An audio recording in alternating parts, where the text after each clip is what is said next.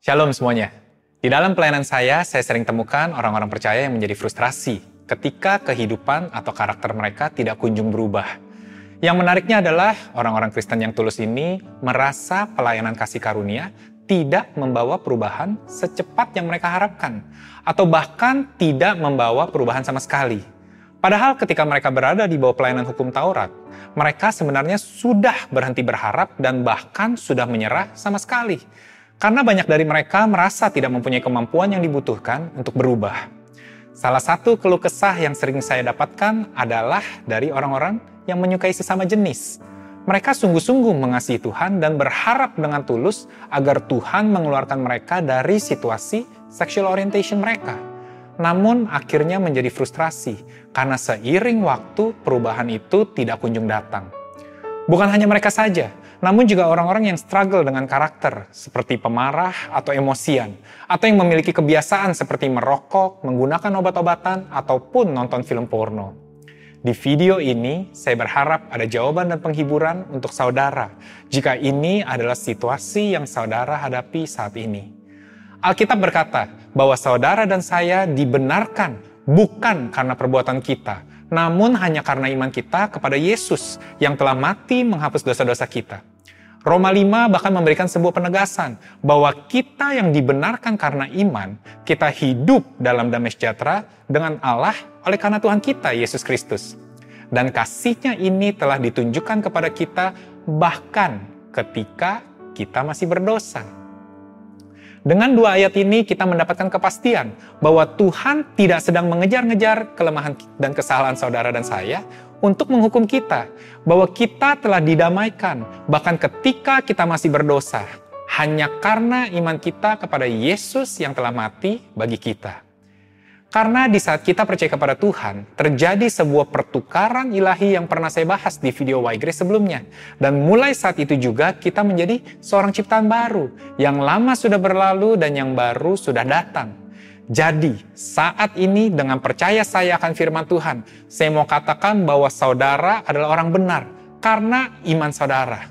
Saudara diterima oleh Bapa dan dia berkenan kepada saudara dan saya, terlepas dari perbuatan ataupun kekurangan yang saudara dan saya pandang akan kehidupan kita. Bahwa dia memandang kita sempurna walaupun kita terus merasa masih ada yang kurang di dalam kehidupan kita.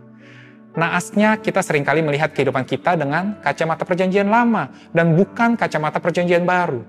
Kita selalu menganggap diri kita masih sebuah ciptaan lama karena belum melihatnya perubahan di dalam kehidupan kita atau sering kali kita nilai diri kita sebagai orang percaya yang belum ada buahnya. Sebagai ilustrasi untuk menjawab keadaan ini, saya ingin menggunakan sebuah pohon mangga yang ada di rumah saya. Ketika pertama kali saya membeli pohon mangga ini untuk ditanam, si pohon sebenarnya sudah ada satu buah mangga yang dihasilkan. Namun menariknya, ketika saya tanam di rumah saya dan sekarang sudah berumur 8 tahun, pohon tersebut belum pernah menghasilkan buah mangga sama sekali akan menjadi sangat aneh kalau saya mulai berkata bahwa pohon ini bukanlah pohon mangga. Dan akan lebih aneh kalau saya mulai beranggapan bahwa mungkin ini adalah pohon rambutan atau pohon lainnya, walaupun pohon tersebut belum berbuah. Saudara dan saya pasti setuju bahwa pohon tersebut adalah pohon mangga, meskipun belum berbuah terlepas dari apa yang saya katakan atau yang saya lihat. Demikian juga dengan saudara dan saya. Tuhan berkata bahwa saudara dan saya adalah ciptaan baru walaupun buahnya belum terlihat. Ketika Tuhan menciptakan manusia, Dia hanya menciptakan laki-laki dan wanita terlepas dari apa yang dikatakan orang lain ataupun diri Anda sendiri. Seberapa maskulin atau femininnya Anda, itu tidak berdasarkan dari apa yang dikatakan orang lain atau bahkan apa yang saudara sendiri pikirkan mengenai diri saudara sendiri. Tuhan melihat saudara sebagai seorang pria atau seorang wanita utuh dan seorang yang dia kasihi. Jadi stop memberikan label kepada dirimu sendiri. Tuhan tidak pernah melihat saudara sebagai pemarah. Tuhan tidak pernah melihat saudara sebagai pecandu rokok ataupun obat-obatan dan pornografi. Jangan menyetujui pendapat orang lain dan menyematkan itu sebagai identitas saudara. Jadi berhentilah untuk menghukum diri saudara terus-menerus. Dan jangan memberikan sebuah ekspektasi yang bukan dari Tuhan ke atas diri saudara. Sebab Tuhan melihat saudara sempurna, tidak bercacat dan tidak bercela, karena saudara ada di dalam Kristus Yesus. Jadi sekali lagi, stop agreeing to what others or yourself say to you and start agreeing to what God says about you.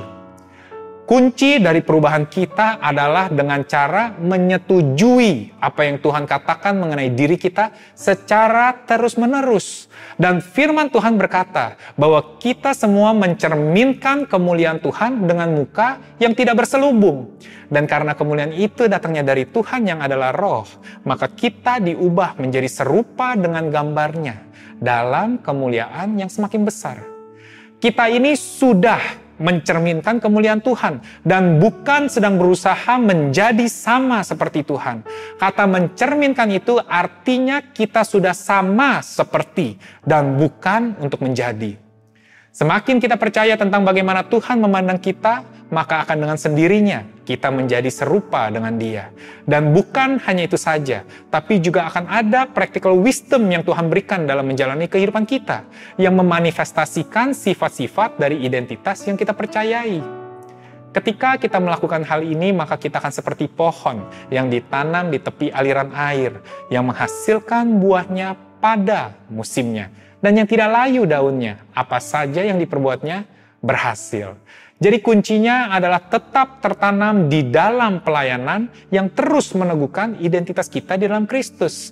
Dan ketahuilah, musimnya akan tiba dan kita akan melihat buahnya.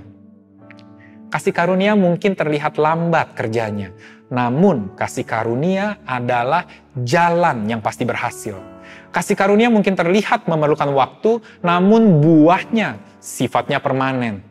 Berikanlah kasih karunia waktu, bukan hanya untuk tertanam semakin dalam di dalam kehidupan saudara, tapi juga berikanlah waktu untuk kasih karunia menghasilkan buah-buah roh yang sebenarnya pada musimnya.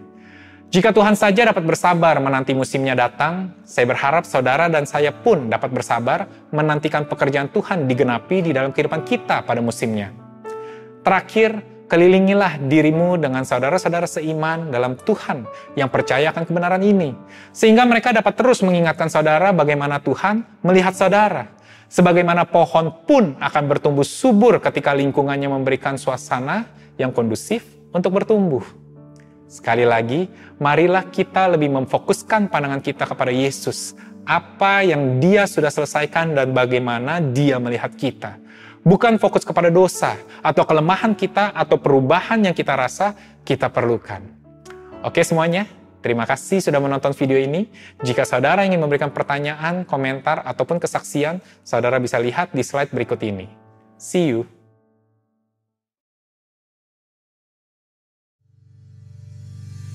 Hai, saya Julian Chong dari The Indonesia Church dan ini adalah channel YouTube kami. Saya mau berterima kasih karena sudah bergabung dengan kami hari ini.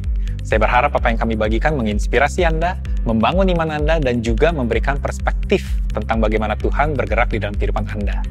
Saya percaya video hari ini sudah memberkati Anda. Maka itu jangan lupa untuk suka dan sebarkan video ini ke teman-teman ataupun keluarga Anda. Serta berlangganan dan juga menyalakan lonceng pemberitahuan di bawah ini untuk mendapatkan update akan video-video terbaru dari kami. Sekali lagi terima kasih dan jangan lupa nonton video kami yang lain di channel kami. Sampai jumpa di episode yang lainnya. Shalom.